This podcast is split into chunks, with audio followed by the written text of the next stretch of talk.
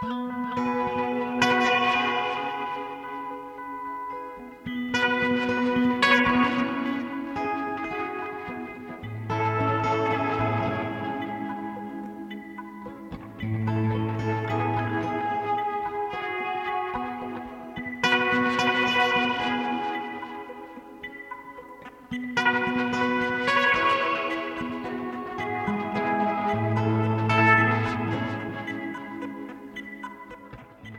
Heil og sæl kærlustendur. Guðni Tómasson og Halla Harðardóttir heils ykkur hérna úr hljóðstofi Víðsjár mánudaginn 7. mars. Í þetta dagsins leit að fegurð, jazzgóð og solrún. Endurvarp kallast síning Ingunar Fjólu Yngþórsdóttur sem nú hangir uppi í listvali. Á síningunni kannar Ingun Fjóla mörg, málverks og vefnaðar þar sem að verkin verða hugleðing og tilraun til að fanga óstöðugt ástand lita og jafnvel óstöðugt ástand yfir leitt því yngun fjóla segist að einhver leiti vera að leita upp í fegurð í heimi sem ættu stundum vera stöðugri og fallegri. Yngun fjóla veltir einnig fyrir sér skinnjun áhórandans, er það hluturinn sjálfur eða kannski upplefininn af hlutunum sem við skinnjum. Meirum það hér á eftir í samtali við listakonuna. Og svo heyrim við hvað Sölva Haldórsinni þykir um skáldsögu Sigurlínar Bjarniar Gísladóttur Solrúnu en við hefjum þáttinn á föllnum jazzmeistara og teljum í.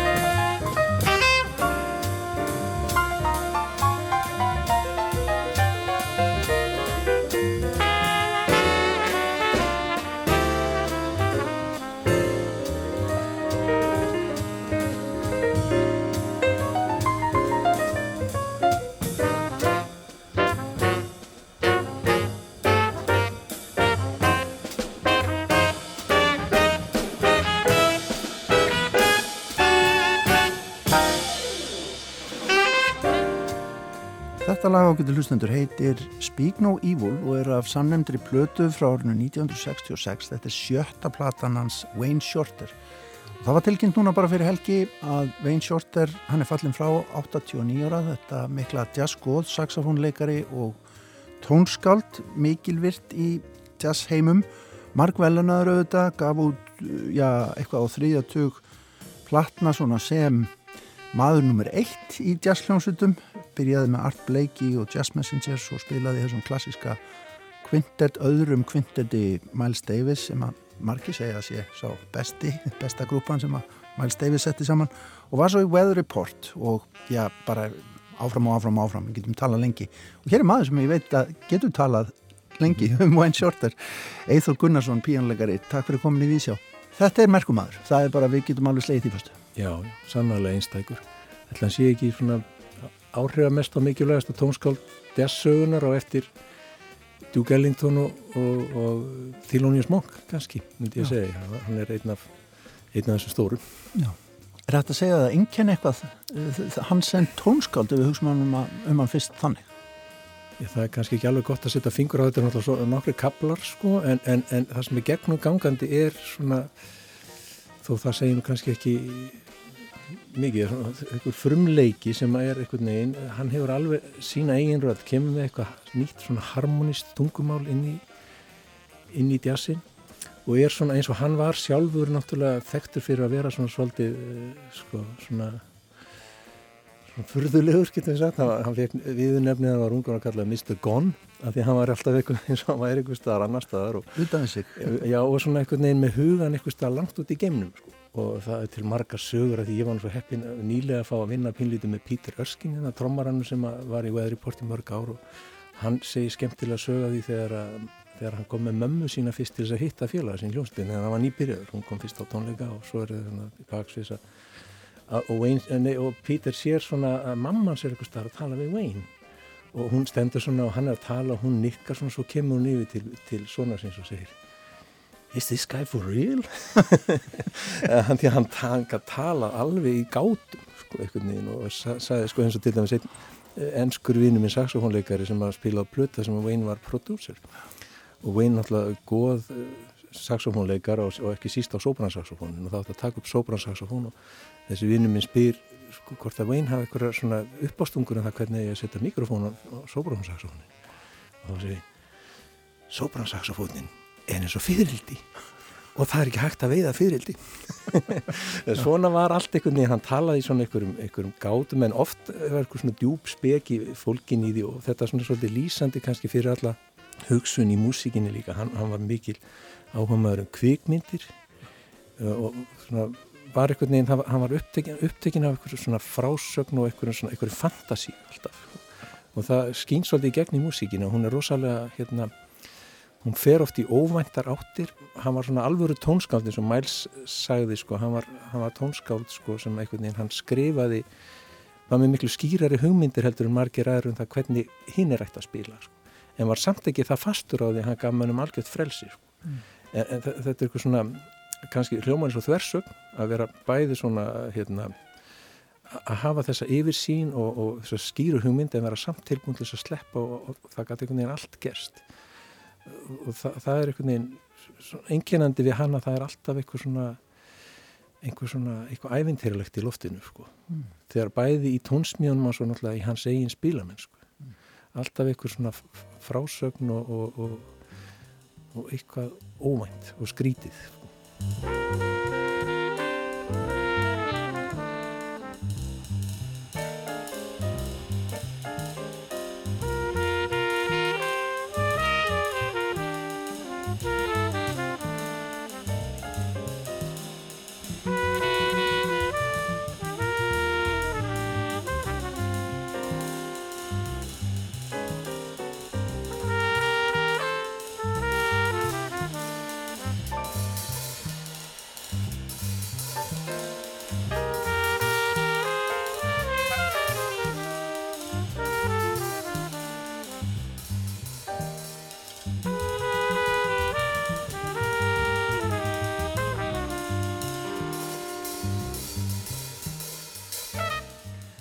hugsaum aðeins um uh, já, þess að hennan fræga Quinter til dæmis sem hann stýgur inn í með Miles Davis.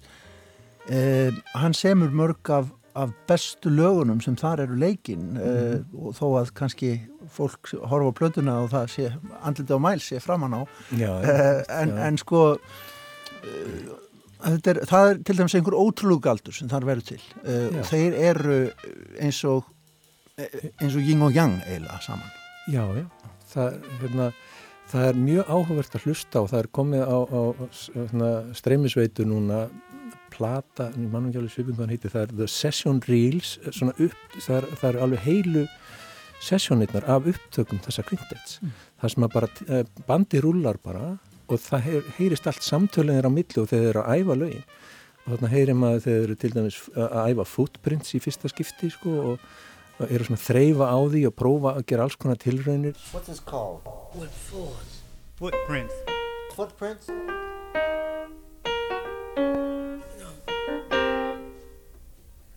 You ought to call it woodprint. Is this yours?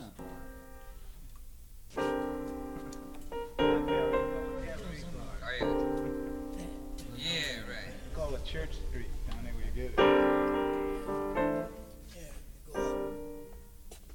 Okay, this is uh, woodprints. Uh, take one. Foot. Oh, excuse me, footprints.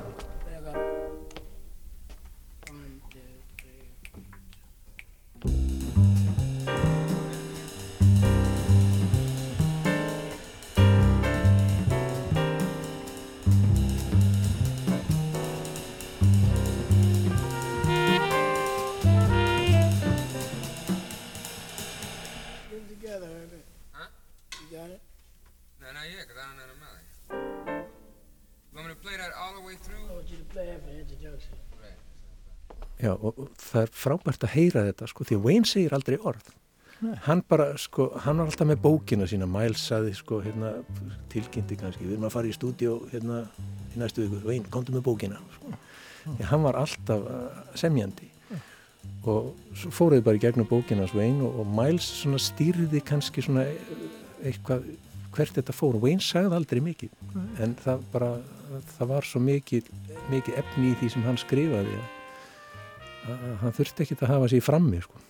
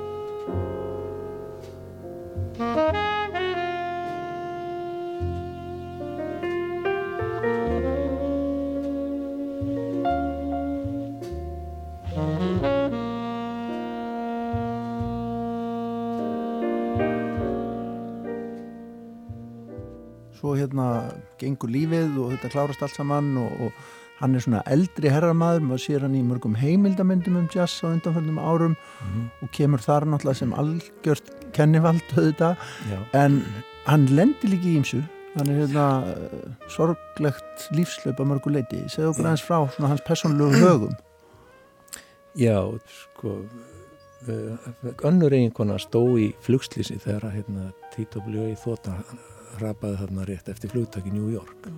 Og þar var sístu dóttir hans með líka. Það var á leiðinni til að heimsækja hann í, í, á Ítali þar sem hann var að spila. Og ekki nóg með það heldur svo, svo eignast hann dóttur sem var fölluð og dó svo setna úr þeirri föllun og það var alls konar svona tragedía sem að hérna, svona persónlega tragedía manni finnst einmitt kannski í þessum viðtölum einmitt, þá, þá sér maður þessa markeringu Já, hann alltaf þetta, þetta hefur þetta mjög mótandi áhrif á hann. En hann, hann fór mjög djúft í búttisma og einhvern veginn náði einhverju auruleysi og einhverju ró með, með því. Það er enda mjög skemmtileg bók komin út nýlega um hljómsveitin á Weatherport.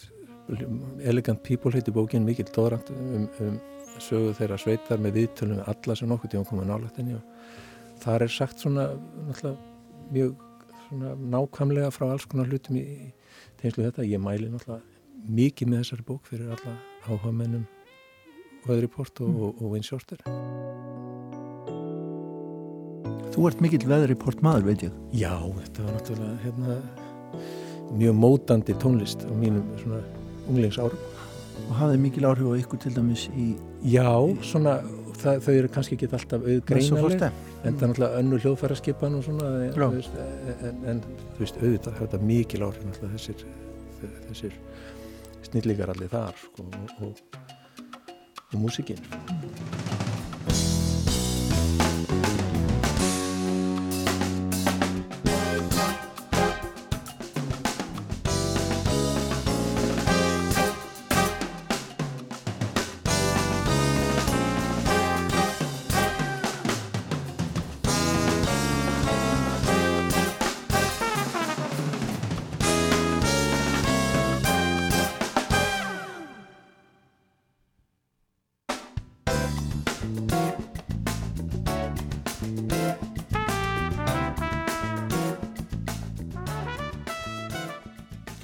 Hvar er það svona sem að þér finnst hann rýsa hæst í, í hérna svona sínum verkum Wayne Shorter?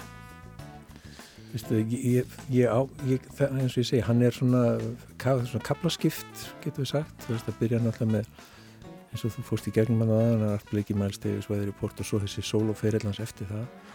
Það er allstaðar, á þessum, í öllum þessum köplum er eitthvað hápunktar sem að, þú veist, svo fór hann til Brasilíu og gerði flötu með Milton Nascimento og Herbie var með hann þar líka, Herbie Hancock. Það er mjög, mjög flott stöfplata, hann heitir Native Dancer. Mm eitt sem ég veist áhugaverð þar, það er eitthvað sem að spila sjálfur á píanu oh. og, og bara, það er bara piano og saxofón og eitthvað smá cymbalar eitthvað lag sem heitir Diana og það, það finnst mér áhugavert vegna þess að það er hann líka sjálfur að spila á pianoið og svona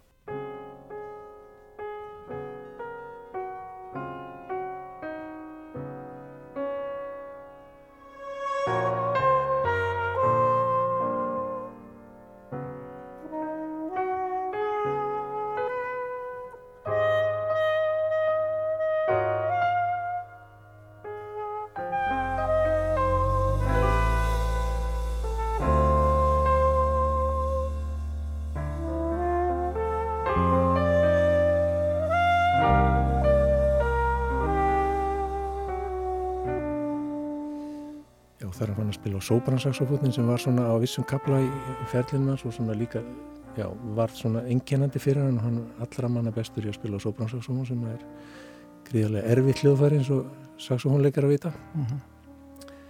Og svo náttúrulega það sem hann spila með Joni Mitchell er líka, það er alltaf, hann kemur inn í til dæmis hérna á Both Sides Now plötinu með Joni Mitchell sem eru þessar orkestrótsetningar eftir Vince Mendoza.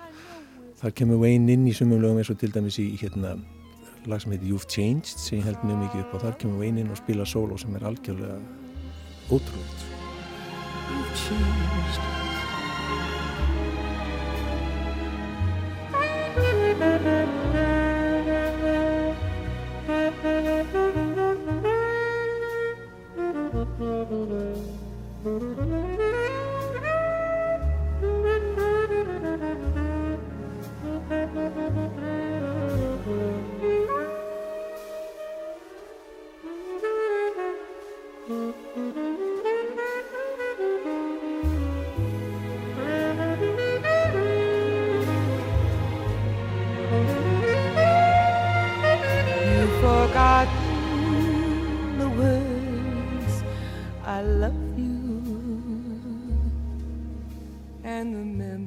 Hann segir ekki mikið en hann segir bara eitthvað neina allt það rétta.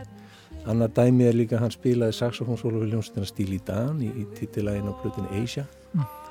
Og hann kom bara inn og, og hlustaði í gegnum þetta einu sinni og, og fór svo að spila það einn tökku og þetta er eitthvað sem að sko engin annar hefði geta gert þetta svona á þennan hátt að hérna, þetta er í senn ævintýralegt og einhvern veginn samt óslega skrítið en einhvern veginn svo rétt og það er einhvern veginn sko vein í nótskurnilega Þannig svona daldið speysaður Já, algjörlega, Space Cadet alveg bara. Já. en, en hérna, ég, uppáhald, ég veit að ég held rosalega mikið upp á Infant Eyes sem er alltaf á Speak No Evil plötun sem spilaði titillæðið af hérna fyrst. Annar lag sem er á, hérna ætla að sé ekki á Nefertiti sem heitir Fall þar er reyndar sko, takan sem er þar ef maður hlustar gegnum þessa session reel eða þessa upptökur sem eru þess, 20 mínútur af, af því þar sem þeir eru að fara í gegnum þetta lag að þá er þar eintaka, þriðja takan sem ekki endar á plötunni það sem að Wayne spila miklu miklu meira heldur en hann gerir svo í útgáfunni sem er á, á plötunni og þar er hann alveg dásamlegur og þar er frábært dæmi hljómagangun í því lagi er einmitt þetta svona ævintýralega þessi impressioníska samsetninga sem að hljómanni fara bara eitthvað uh, en það er alltaf einhvern veginn svo óvænt en í, í senn svo rétt einhvern veginn sko.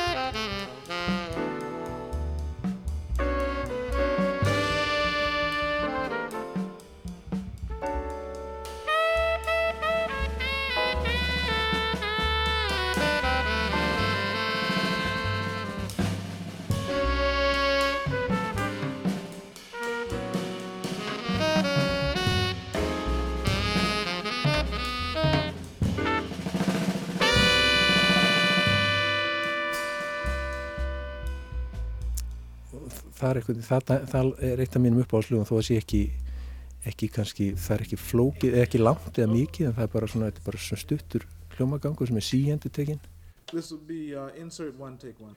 en einhvern veginn kjarnin í Wayne skín rosalega stert í gegn þar finnst mér En eða þú lokum það, þeir týna tölinni þessir meistarar sem eru þarna upp á sitt besta svona á sjönda áratögnum er, Já. hann er farin þarna og kannski fer með honum svona ákveðin Já, kynnslóð það er engin eftir nema Hörbi núna. Hörbi Hancock er svo eini sem að stendur eftir eða sem að ég... hann var náttúrulega svo ævintýralega ungur þegar hann byrjaði með Já, þessum köllum já, einmitt. Og, og samt, hann byrjaði með Miles einhverjum árum á undan, tveimur árum á undan og þeir voru samferða alla tíð og miklu vinir og gerðu margt frábært saman meðal annars eina dú og blötu og, og það er náttúrulega líka mikil partur af eh, þeirna ferli Wayne, það er svona Hörbi setur mikinn svip á, á sumt sko, á vissum kabla þegar Hörbi kemur inn þá einhvern veginn kristallast þessi hérna, impressioníska dýfti í harmoníinu svo vel. Og svo náttúrulega Joe Savino líka algjör snillingur í að útfæra hans tónsmíða með hann og, og e- eitt af mínum uppáhalds veðriportlöfum er til dæmis Palladium þar sem að þeir báðir báðir skína sko og það er líka dæmi um sko það er svo gegn komponerað en samt svo mikið af sko einhvern veginn spennandi hlutum að gerast.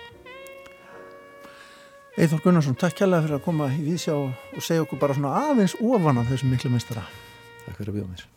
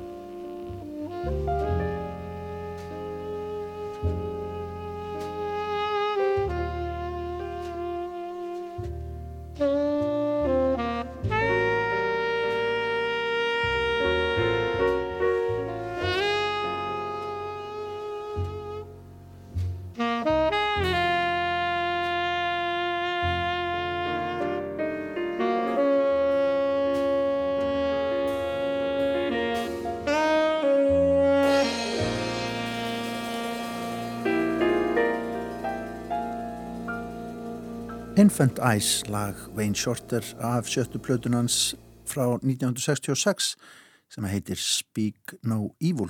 Þarna var rætt við Eithor Gunnarsson um meistara Wayne Shorter. Og úr djassi fyrir við yfir í bókmyndirinnar. Sölvi Haldásson, hann hefur verið að lesa skáldsögu Sigurlínar Bjarniðar Gísladóttur sem kallast Solrún. Manneskjur á fyrsta og síðasta æfiskeiðu sínu, börn og eldri borgarar, eru þjóðfélagshópar sem samfélagi leggur sér fram við að halda utanum og vernda. Þau eru talin til viðkvamari hópa samfélagsins og til þeirra eru gerðar aðrar væntingar og kröfur en þeirra sem eru á hennu svo kallaða letasta skeiði. Þau eru ekki þáttakendur á atvinnumarkaðinum, greiða læri gjöld fyrir ímsa þjónustu og eru minna ábyrjandi í samfélagsumræðinni en þau sem eru á miðjum aldri. Þessir þjóðfélagshópar njóta minna persónulegs sjálfstæðis en aðrir í samfélaginu og að ymsu leiti takmarkaðara frelsis í nafni þess sem er þeim fyrir bestu. Í staðin er þeim bóðið öryggi. Í nýjasta skaldverki Sigurlínar Bjarnæjar Gísladóttur, Solrún, saga um ferðarlag, segir frá eldri konu sem freistar þess að sleppa úr klóm þessa öryggis. Hvort leiðin þaðan og út í frelsið er ferð hetjunar eða er leiðin í átt til glötunar er nokkuð sem lesandin þar sjálfur að gera upp við sig. Solrún er stutt skaldsaga eða nóvela sem fjallar um samnemnda konu sem býr í örgis íbúð í íbúðakerna fyrir eldri borgara í Reykjavík.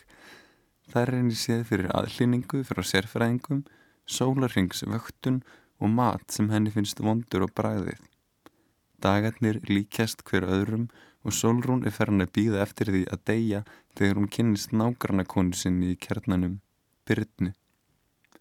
Þær verða ástfangnar og hefja ástarsamband þert að vilja afkomenda og umhönnunar aðeila sinna sem vilja stíja þeim í sundur. Þegar byrjuna fellir sviplega frá fyllist Solrún sorg og erðarleysi. Hún afræðir að flýja úr íbúðakernanum og elda uppi gamlan elskuga í mjögarsveit. Með ekkert meðferðis nema kápu og litla handtösku leggur Solrún bílaus af stað norður og leið, rekur þumalfingur á loft við vegarkantin. Gamalt fólk sem leggur á flotta er kannski ekki algengt söguefni en þó heldur ekki svo sjálfgeft. Baksíðu tekstinn að kópu sólrunar gæti myndi einhverja lesendur á hugljúvar með sölubækur eins og gamlingin sem skreið út um gluggan og kvarf eftir Jónas Jónasson og hinn ótrúlega pílagrimsganga Harald Fræ eftir Rachel Joyce. En í þeim skáldsögum segjum við líka frá gamalmennum sem leggja skindilega af stað í langferð eina báti og nokkuð illa búin. Þess vegna kom skemmtilega óvart að Solrún Sigurlína Bjarnir er dálitið grottalegri en áðurnumdar skáldsögur og það var talsvirt meira blóð í sögunni en ég átti von á. Í hínum ferðarsögunum tveimur skipuðu endurminningar og endur að lit stóran sessi í frásögninni en í Solrún er frásögninna langmestu leiti bundin við henn líðandi stund. Í stað þess að beita endurlitum er fortíðin allt um líkjandi, sínálag og áþreifanleg og skýtur upp kollinum á fantasíska vegu. Höfundur nýtir sér ævintýra og þjóðsagnaminni til að skapa dölúðuga og oft óhugulega stemmingu á leiðinni norður í Mývasveit og förðan er aldrei langt undan. Sigurlín Bjarni á að bæki afar fjölbreytt höfundarverk. Hún er formglæður höfundur og konseptverk eru áberandi þegar litið er yfir ferilanar, verk með skýrt afmarkaðan og einkennandi ramma. Í undrarýminu frá 2019 paraði höfundur ljóð við skýringamindir úr náttúru og læknisfræðiréttum. Í jarðvist frá 2015 var tilræna kend nóvela um nýju námuverkamenn sem lokast ofin í myrkri námu og Bjarg frá 2013 var aðlögun höfundar á heitli íbúðarblokk að ljóðabókarforminu. Undir titill verksins sem er til umfyllinar í dag er saga um ferðalag og má segja að Sigurlín sé leika sér að ænintýraforminu. Ólíkleg hetja heldur á vitins óþækta og mætir hindrunum og veginum og lokkandi tálsínum en líka hjálparhellum og töfragrippum sem ímistur sóttir beint úr þjóðsagnaarfinum eða kælihillum í bensinstöðasjöppum. Þannig minnir atbyrðar á sögunar og síkilda æfintýru um ferðhetjunar en í stað unga bóndasónarins sem þarf að mannast og sína hugrekki er aðalpersonan öldruð ekja með þrálatunverki mjöðminni og breyðult minni. Áhrifin sem þessi viðsnúningur hefur í förmið sér eru áhugaverð og dálítið ágeng. Í farþegarsætinu dottar sólrun í sífellu, dettur út og missir meðutund tekur þó nokkrar bókstaflegar bildur á leiðinni og verðistur að farin að kalka. Aftur og aftur rampar Solrún ymmit á það sem hún er að leita að, þar hjálpur óvæntum áttum og fólki sem hún mætur á leginni tengist oftar en ekki innbyrðis, svo sögursviðið og persónugallerið tollir saman eins og einn langur draumur. Allt þetta gerir það verkum að lesandin hefur samúð með sólrunu en er hikandi við að treysta henni eða vera algjörlega á hennar bandi á þessari rakfalla för. Lesandi getur ekki annað en haft áhyggjur af þessum hruma puttaferðalangi og heti fyrr skástrygg fegðarflani sólrunar. Hvað er þessi gamla kona að veblast? Er henni treystandi fyrir sjálfu sér? Það er skemmtilegur ljóðrætn púki í stíl Sigurlínar og sagan er full af förðulegum húmor og áningarstöðum þar sem numið er staðar og dvalið við óvænt atriði.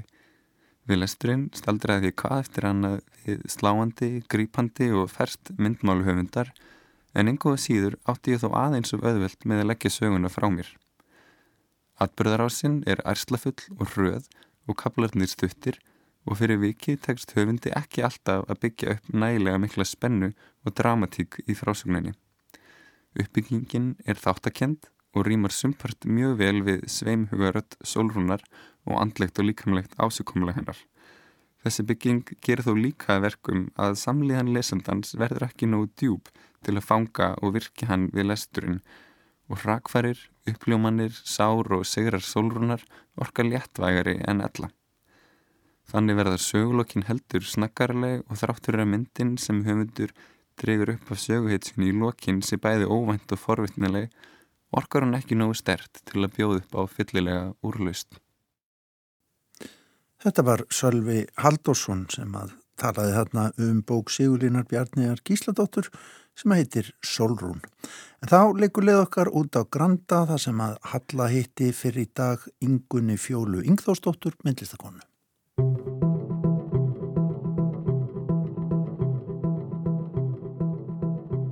Ingun Fjóla, takk fyrir að hitta mig hérna í þessum fallega sal. Mikil byrta hérna. Já, þetta er rosa fallegu salur, alveg fullkominn salur til þess að sína liti, eða litri hverk. Einmitt bjartur og, og hvítur sem henda vel fyrir þessi verk. Mjög vel. Litinir, þeir skína hér í gegn. Kanski að þú bara lýsir svona örstuðt til að byrja með fyrir hlustendum hvað við erum að horfa á hérna. Já, við erum að horfa á verk hérna sem að ég er búin að vinna að um, undarfari ár og þetta eru verk sem að eru uh, svona mörgum málverks og vefnar. Þau eru að hluta ofinn og hluta máluð og hérna ég er já, að vinna mikið með liti í þessum verkum. Og þau eru þannig að það er ofinn flötur og síðan er málað rammi í kringum opna flötin og uh, á rammanum mála ég litafliti ímist innan á rammanum eða utan á eða framan á. Þannig ég er að vinna með litafliti þó þetta séu sko já, þetta eru, þetta eru verk sem eru ekki beint tvíðið þó þau séu á vegg. Þannig að þau eru, þau eru nánast kannski lámyndir eða þannig. Þannig að þetta er svona verk sem maður þarf að skoða frá fleiri neittni hlið. Nákvæmlega.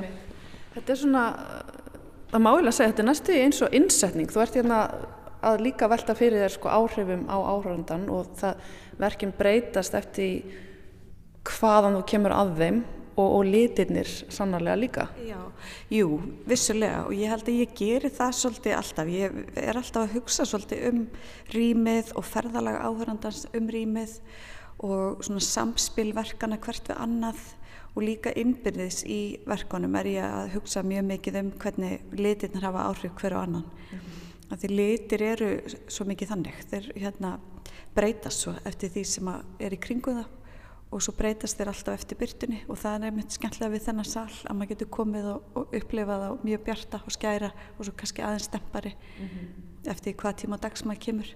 Einmitt. Svona við fyrstu sín þá virðistu vera svona að velta fyrir þér þessu mörgum sem er liggja á milli vefnaðar og málarlistar mm. en uh, líka kannski þessari pælingu með skinnununa og hvernig við upplifum liti eins og þú veist að vísa hérna í sko hvar hófst þetta ferðalag? Já það er mjög góð spurning um, ég held að þetta sé bara mjög langt ferðalag vegna þess að, að ég er búin að vera að vinna með þræði alveg í mjög langan tíma alveg frá því ég var bara í uh, listaháskólanum og hérna byrjaði að gera innsetningar úr þráðum og hef verið að vinna með þræði í málverkum án þess að vefa líka hérna og hef, já, þannig ég bæði gert innsetningar og málverk þar sem ég vinn með þræði. Og það er eitthvað við þræði sem var mjög íst áhugavert. Og um, þannig að ég, já, það, ég, það er erfitt að segja, já, hvernig þetta hófst, allir þetta hafi ekki bara hafist bara í listaháskólanum. Mm -hmm. og ég er mikið að vinna með lita, fleti og form og svona, kannski svona vinna með arfleð strángflata málverksins, abstrakt málverksins sem heitla mig mjög mikið. En líka ég hef alltaf verið rosalega heitluð af sko naumingju eða mínimalisma og, og það gerðist eitthvað innra með mér þegar ég skildi loksins hvað það var sem að mínimalistarnir voru að gera.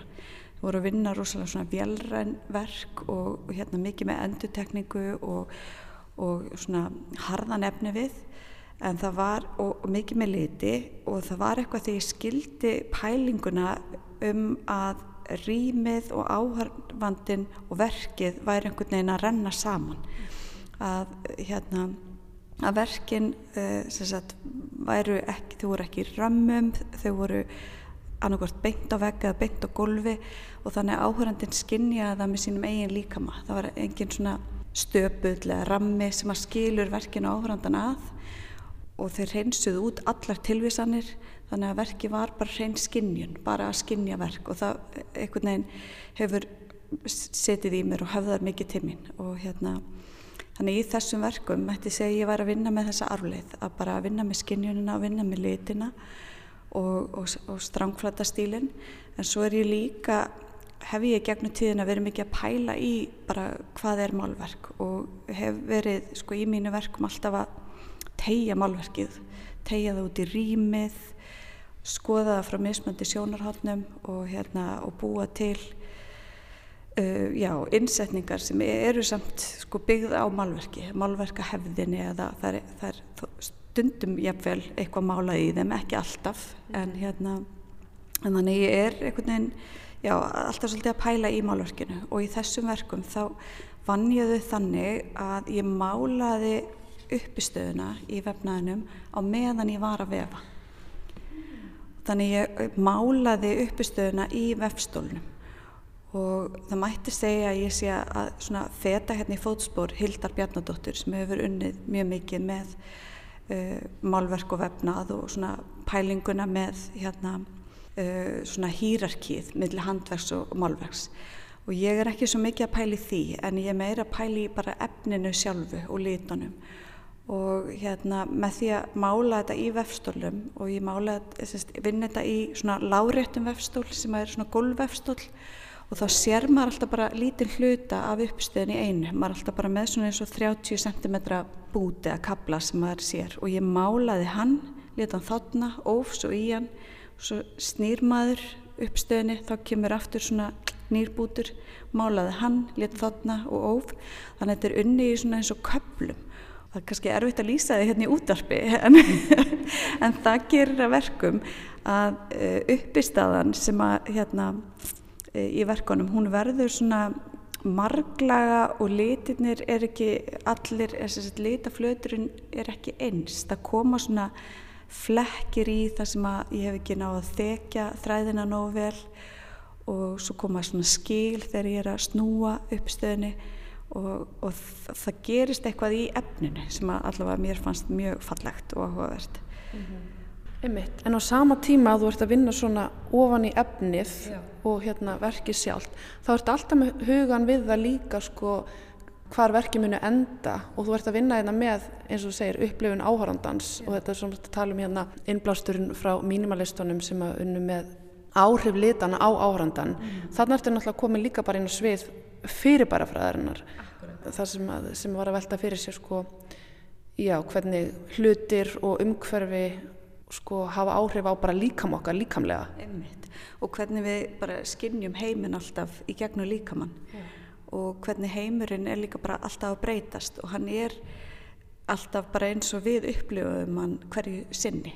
Mm -hmm. Hann er ekki einhver svona föst stærð og hérna Já, þannig að ég hef líka mikið verið að velta því fyrir mér og, og sérstaklega í innsetningunum en það er alltaf líka í, þó þetta séu minniverku á vegg, þá er alltaf þessi, myndi ég segja, þessi fyrirbæra fræðilega nálgun líka uh, og hérna Og, og, og, sko, og þetta með litan hérna við erum að horfa núna á verkinu og hvernig bara meðan við erum að tala þá hafa þeir breyst og afstæðið þeirra til hvers annars líka.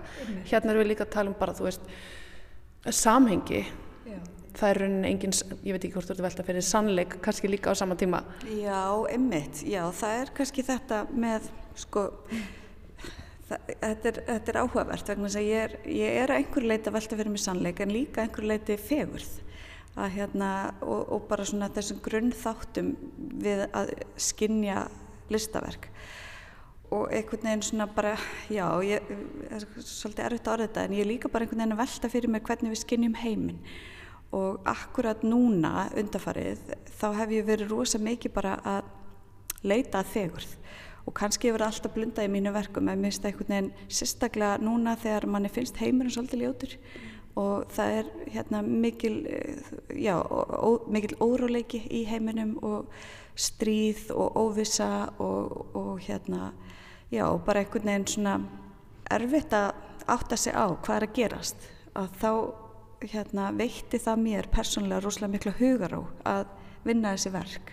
Það sem að bæði, sko það að vefa er rosalega mikið núvindund það er bara svona miðild sem er rosalega hægur og það er ekki hægt að flýta sér. Ef maður flýta sér þá gerur maður mistök og þá verður maður bara byrjum að nýtt. Þannig að maður þarf einhvern veginn að hæja á sér og ég held kannski, já, ég, ég er alltaf einhvern veginn að velta fyrir mig hvernig heimurinn er hvernig við skinnjum, hvernig svona leita að einhverjum svona frum einingum eða einhverjum svona einhverjum kjarnar og, hérna, og í þessum verkum er ég kannski að reyna að draga fram fegurðina. Og, hérna, og kannski er einhver sannleikur í því að, og, já, að, að í lífunu er alltaf einhver fegurð þrátt fyrir alla ljóðlegan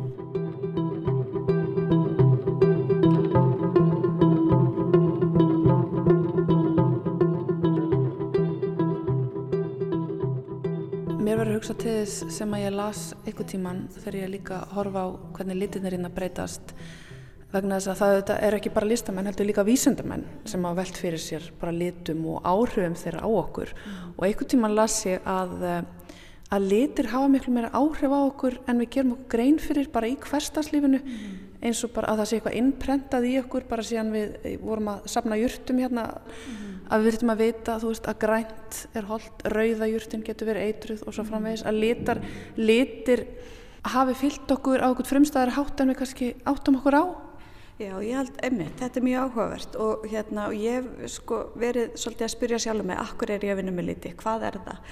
Og ég er erfitt sjálf með að vinna með liti á einhvern svona tákfræðilegan hátt. Þú veist, ég er alltaf einhvern veginn að vinna út frá bara minni skinnjun og, og bara svona Um, ég, ég pæli rosa mikið í leita samsetningum og það er eitthvað sem gerist þegar mér finnst ég að vera komið með réttu litina að þá fæ ég vatn í munnin og þá veit ég að, að, hérna, að þetta er rétt. En það er einmitt sko þetta það er, veist, er eitthvað sem hefur fyllt okkur alveg frá öru við alltaf að, að litir geti haft merkingu en þeir geta líka platað okkur.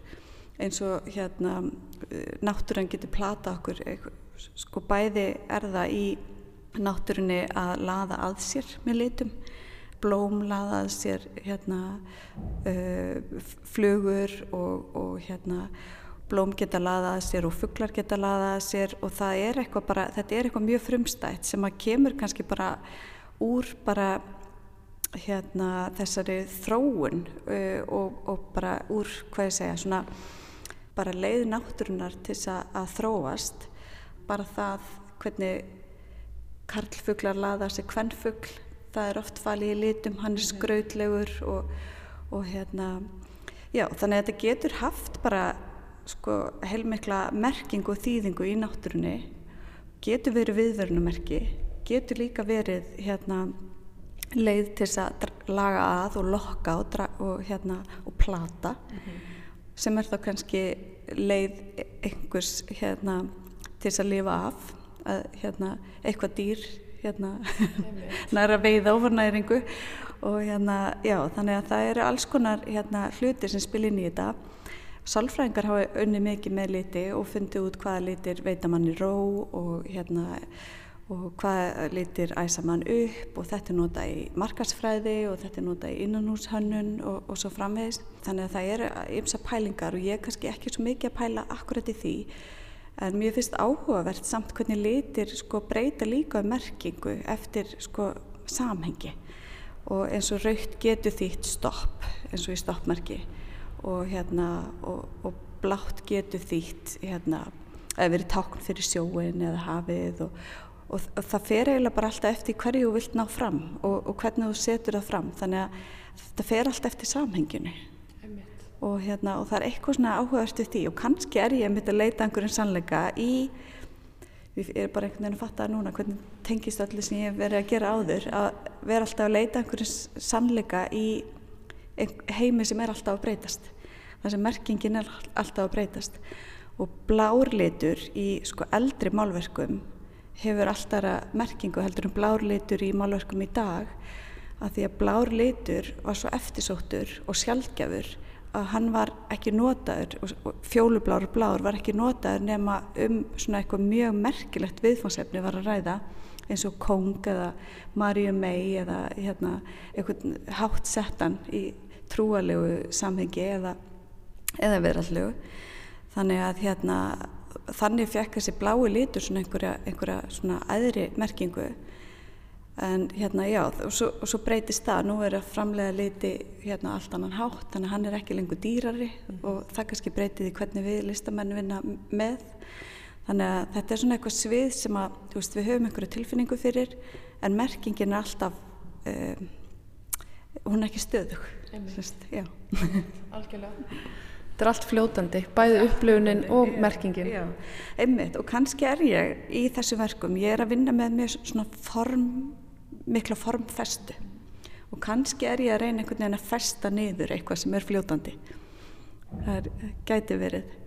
En svo er annað í þessum verkum sem allavega ég, mér finnst áhugavert er að ég líka svona að skeita saman því sem er handunnið og því sem er sko veist, ekki fullkomið að því vefurinn handuninn það eru villur og maður getur aldrei náða stjórnarnu fullkomlega og það er eitthvað svona einhver spenna í því. Þessu handuna á móti síðan rammanum sem er rosalega uh, svona uh, formfastur uh, og stílreitn og hérna harðarlínur og, og nánast ekki pensilför þó þetta sé handmálað. Þannig að hann er mjög velrætt á móti þessu svona handgerða sem er inni. Þannig að þar mætast svona einhverja andstæður. Akkurat, vefnaðurinn eru þetta svolítið svona líkamlegur. Á meðan að hérna lítinnir hérna eru það ekki. Og þarna myndast þeim eitthvað svona spenna og þarna er það kannski komin aðeins frá hérna mínimalistónu sem þú vísaði til einn upphafi. Já, kannski.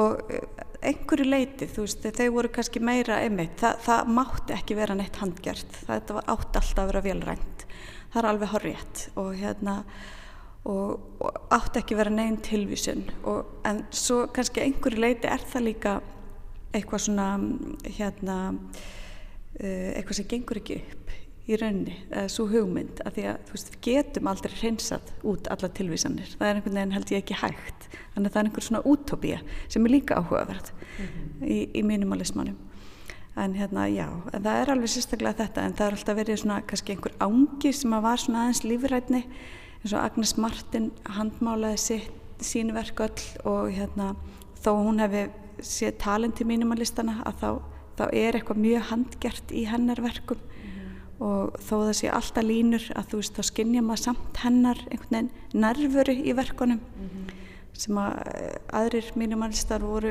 kannski ekki með eins og Donald Judd sem mjög svona kaldur og velrætt Já, það er Svona aðeins að fjarlægast þessa þessa útopísku leita sannleikanum þó þú sér kannski pínlítið að leita á hannum og fegurðinni. Já, nákvæmlega, akkurat það er kannski, einmitt það, ég held að ég sé komin í ykkur svona hérna, raukfræðilegar ógöngur en hérna en sem er kannski áhugavert af því að við erum alltaf í einhverju leit og það er, þú veist við komumst aldrei að endastöð og að því að það er leitin sem að einhvern veginn hérna, knýr okkur áfram og, hérna, og ef við kemist að endastöð þá, þá væri einhvern veginn uh, þá væri ekkert áhugavert í þessu lengur. Þá bara hérna erum við búin að finna svarið. Og, og það er einhvern veginn, það er ekki það sem er áhugavert. Það er hérna, það er spurningarnar.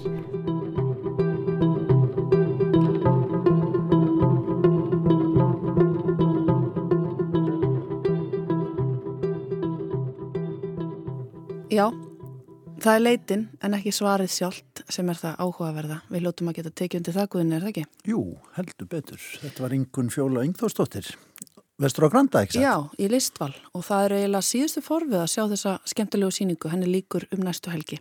Einmitt. Og við ætlum að setja eitthvað á fónin hér lókin.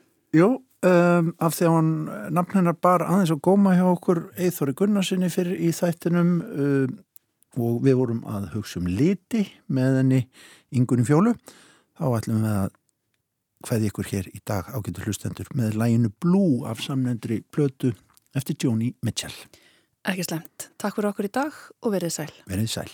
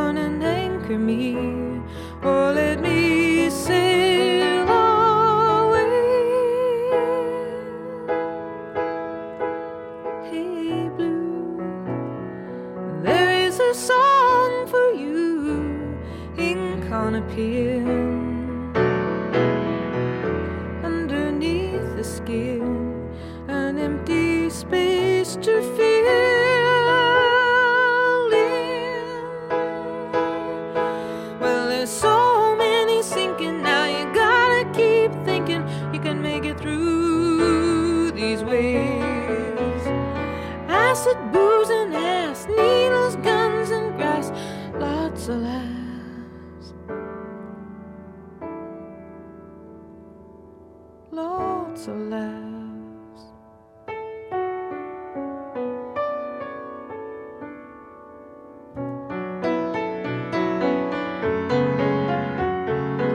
Everybody's saying that hell's the hippest way to go. Well, I don't think so, but I'm gonna take a look